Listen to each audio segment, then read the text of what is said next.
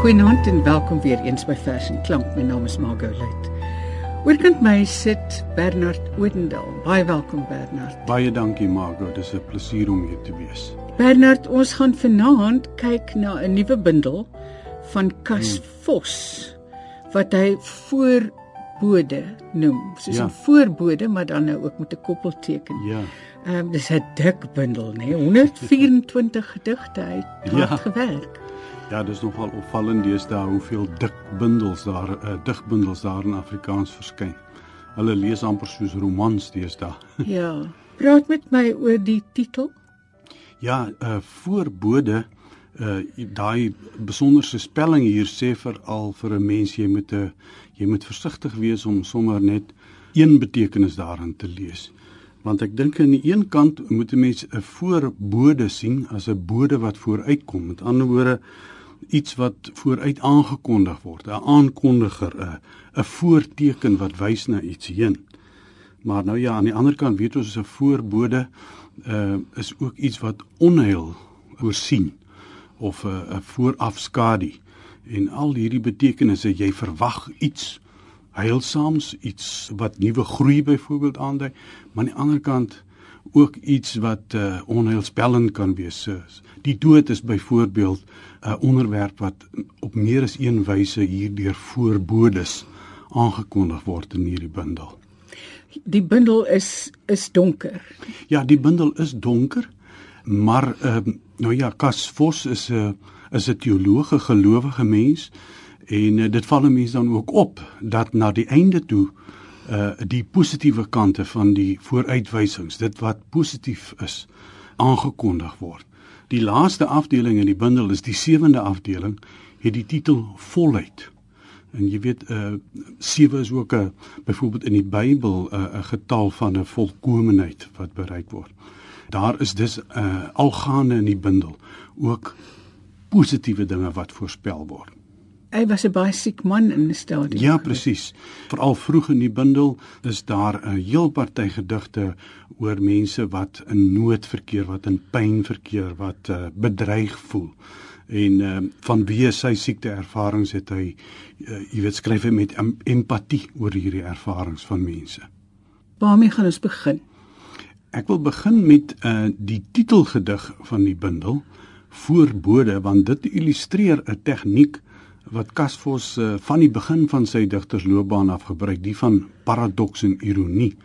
Want die daaraad is gewoonlik iets met positiewe konnotasies. En dit word hier uh ja, iets met negatiewe konnotasies. Lees vir ons die gedig asseblief. Voorbode. Môre ster, oog van die daaraad, kyk deur die donker senaat waar duister soos 'n vlermuis vlug voor die nag hom verlaat. Interessante vers, ja. Ja, vroeg in die bundel is daar 'n gedig met die titel Oorsprong wat weer natuurlik ook oorsprong oproep, nê. En uh sulke dubbelsinnighede kom ook dikwels voor. Dis 'n gedig oor hoe poësie ontstaan. Lees dit vir ons toe. Oorsprong. Woorde spruit uit onsigbare plekke uit die vlugvoet van katte, die skel blaf van honde, die asemhaling van voëls. Woorde kom uit die afgronde van die gees, waar 'n vreemde en duister lewe in beroering is en hallusinasies, versinsels en denke dwaal. Onsigbaar versmelt woorde, spitsvondig in stilte tot letters voelbaar spelerig en verlig oor die lip van die donker glip. Sjoe. Ek hou daarvan. Ja, baie mooi. Nou ja, hy verras mense nog op ander wyse ook in die in die bundel. Mense byvoorbeeld dink dat kinders van ouers wat mekaar baie liefhet, jy weet gelukkige kinders behoort te wees. En dan in die volgende gedig dan sien ons dat hierdie intieme verhouding van die ouers vir die kind 'n ervaring is van uitsluiting. Ja. Ja, verwerping ook. Ja. ja. Die gedig se naam is Uitgeban. Die kind wat die kers dra, sien die glinsterende eenwording van pa en ma. Vestig intense jaloesie in hom uit hul binnekamer geban. Die besef word ingeprent. Ek is vir julle afwesig, oorbodig. Toe ek in die baarmoeder geskuil het, was ek onskeibaar van my ma. Moenie my met 'n handveeg wegjaag nie. Nooi my saam op julle nagvlugte ouers wat mekaar liefhet se kinders is altyd wees Dis 'n verskriklike versreël ja. Dit kom soos 'n donderslag, 'n totale verrassing. Hier is meer as een gedig eh, waarin kerse 'n belangrike rol speel in hierdie bundel en hier is nog so eene. Let 'n bietjie op hoe aan die einde van die gedig die verwysing na die pitte van kerse dubbelsinnig gebruik word kersse. Die toekoms daar glinster voor ons, soos 'n reeks klein ligtende kersse. Goue, warm en lewendige klein kersse. Die vergane daar bly agter ons, 'n droewige lyn uitgebrande kersse. Die wat digby is, rook nog steeds koue kersse, gesmeld en druppend. Ek wil nie daarna kyk nie. Hulle stem my treurig en ek is bedroef as ek oor hulle eerste lig mymer. Ek kyk vorentoe na my ligtende kersse. Ek wil nie angsbelaai terugkyk en sien hoe vinnig die donker lyn verleng nie, hoe vinnig uitgeputte kersse vermeerder. Is dit 'n vers hierdie? Nee, nee, dis die interessante dat hy seker 'n goeie 20 gedigte insluit in hierdie bundel wat hy uit die Grieks vertaal het. Mm. Uit uh, die werk van twee 20ste eeuse Griekse digters. Die uh, een digter is Konstantinos P. Kafafis en die ander is Georgos Seferis. En die gedig wat ek nou gelees het is een van Kafafis se gedigte wat hy vertaal het. Maar jy het vir ons nog saamgebring. Ek gaan vir ons bietjie later nog twee van hulle lees, ja. Hmm.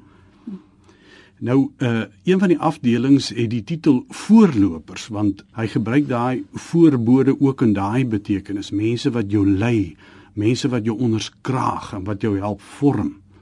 En uh mense wat jou liefhet byvoorbeeld wat jou op hierdie wyse vorm en onderskraag. In hierdie lieflike liefdesgedig kom uit daardie afdeling as ek sterf. As ek sterf, moet jou liefde nooit taan nie. Al moet jy dan alleen ons twee se liefde dra, moet jy nie moeg word nie. Al is die aande styl.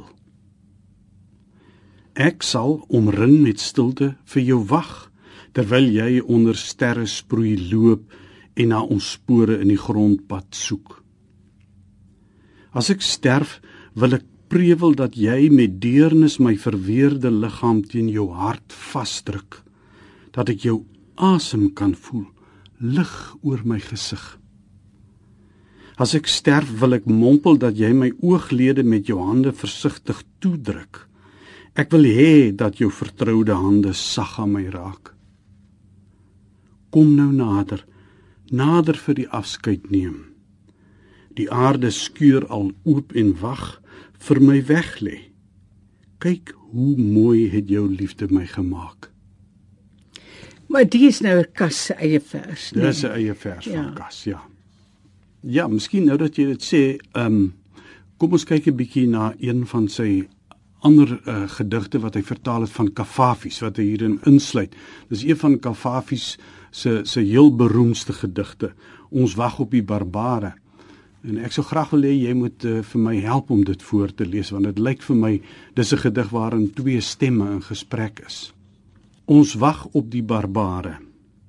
Vir wie wag ons gespanne in die forum? Die barbare is vandag op ons drempel.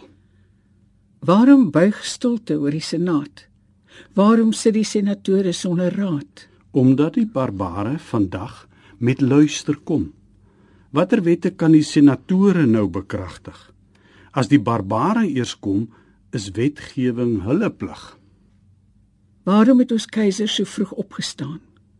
En waarom sit hy by die stad se hoofhek op sy troon, waardig, kroon op die kop? Omdat die barbare vandag hulle intog maak. En die keiser wag om hulle leier te omhels. Hy het 'n perkamentrol voorberei as geskenk, beskryf met titels, indrukwekkende name.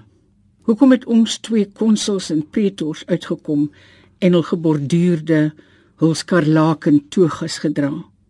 Hoekom die armbande met soveel kosbare edelstene en ringe wat glans met magnifieke smarag? Hoekom dra hulle elegante wandelstokke sierlik gekerf, omvou met silwer en goud?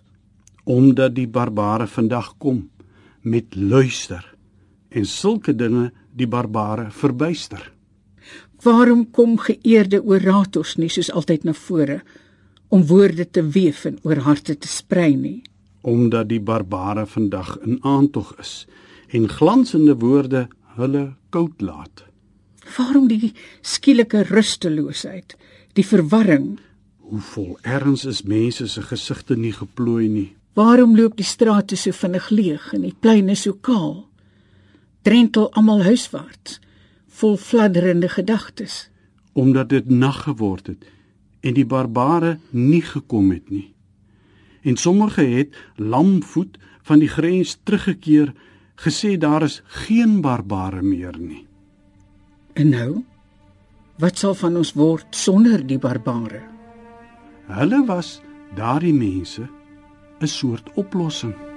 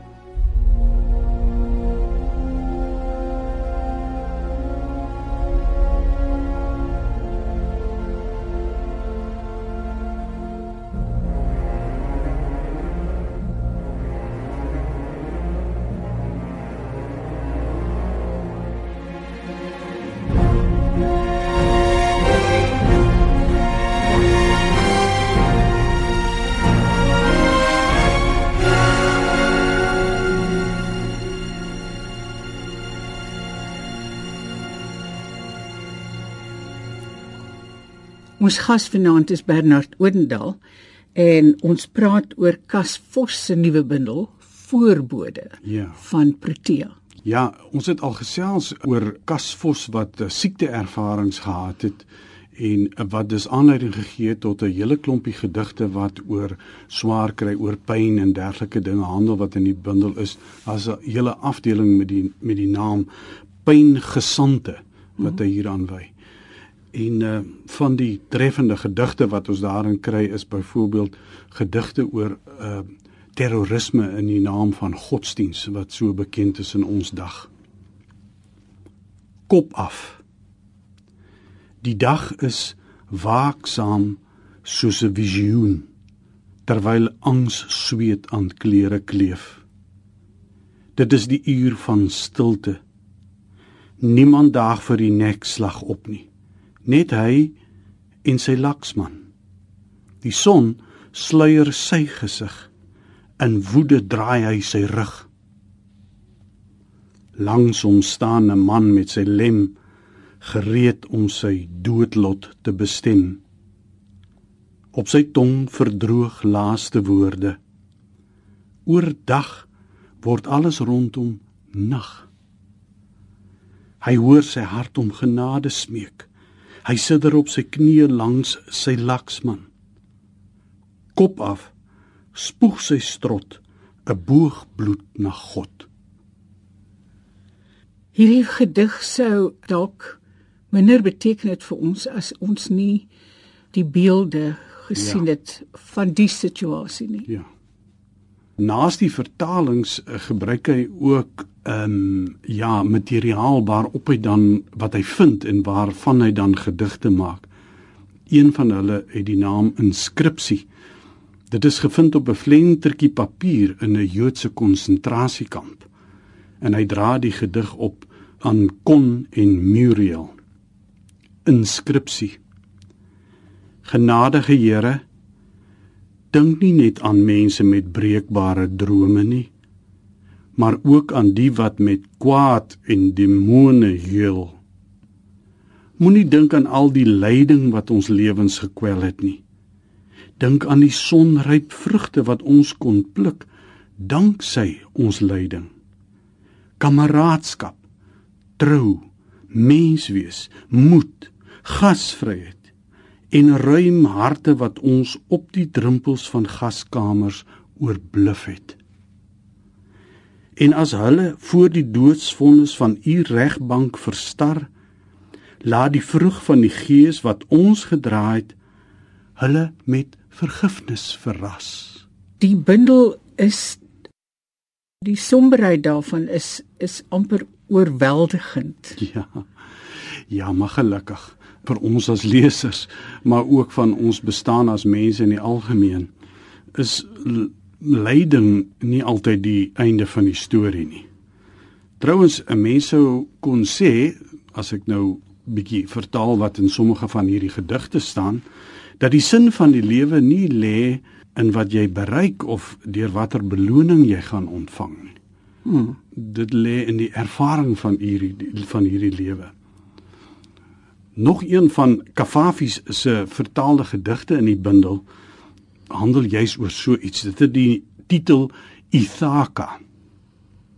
Nou luisteraars wat miskien die ou Griekse mites en helde verhale ken, sal weet dat Ithaka die eilandtuiste was van Odysseus, die swerwende held in Homerus se verhaal die Odyssea. En uh Hy onderneem dan 'n heel epiese bootvaart met baie gevare en bedreigings wat hy moet oorkom om so uiteindelik terug te kom by die eiland waar sy geliefde Penelope op hom wag en waar hy dan sal kan heers. Ithaka. As jy met jou reis na Ithaka begin, bid dan dat die pad lank sal wees vol avontuur en vol wysheid. Moenie vir die laustrogoniërs skrik nie, nie vir siklope en die woedende Poseidon nie. Sulke dode sluipers sal jy nooit weer teekom nie. As jou gedagtes verhewe bly, is dit gevoelige syne wat na jou liggaam en gees blits. Jy sal nooit die laustrogoniërs, siklope en die onstuimige Poseidon sien nie as jy hulle nie in jou siel troetel nie. As jou siel hulle nie voor jou laat opdoem nie. Bid dan dat die pad lank sal wees. Die someroggende oorvloed drup. Dat jy vir die eerste keer by hawens sal vasmeer met soveel opwinding, met soveel vreugde. Gooi anker by die Fenisiese markte en koop fyn linne en satijn, egte parels en korale, amber en ebbehout, parfuum van alle geure. Koop soveel parfuum as wat jy kan. Besoek in Egiptiese stede gasheere om aan die voete van wyses te sit koester Ithaka altyd in jou hart. Om daar te kom is jou hoogste strewe. Moenie die reis vlugvoet aanpak nie. Dit is goed as jou boot jare lank skommel om eers by die eiland anker te gooi as jy grys is. Ryk aan alles wat jy op die reis versamel het sonder die verwagting dat Ithaka jou iets skuld. Ithaka het aan jou die verruklike reis gegee. Sonder haar sou jy nooit die vaart oorleef het nie. Maar sy het niks meer om jou aan te bied nie. En as jy haar arm vind, Ithaka het jou nie bedrieg nie. Met wysheid wat jy verwerf het, met soveel belewenis, moet jy sekerlik verstaan wat Ithakas beteken. Dit is die reis wat belangrik is, Ja. nie die eindbestemming nie. En Ja. tog, en ja, tog. En tog. Ja, presies. En ehm uh, ek dink ons moet miskien afsluit Mago uit Hmm. hierdie bundel voorbode van hom uh met 'n gedig waarin hy op sy eie wyse iets soortgelyks vertolk aan wat gestaan het in daardie gedig van Kafafis.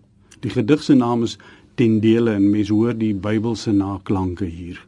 Hy was natuurlik 'n teoloog. Ja, ja. Kom ons luister. ten dele. Ek sien ten dele. Pluk vye vir die reis. Anders pik voels skille tot die spruite melkwit syfer. Ek ken ten dele die roering van haar lippe voor liefde wegskram. Ek hoor ten dele die wind se dreuning soos bye wat die pad nektar besope byster is. Ek sien ten dele die rimpeling van die see se vel as die wind dit koester. Ek sien ten dele slingerende paaie bedek met nevels.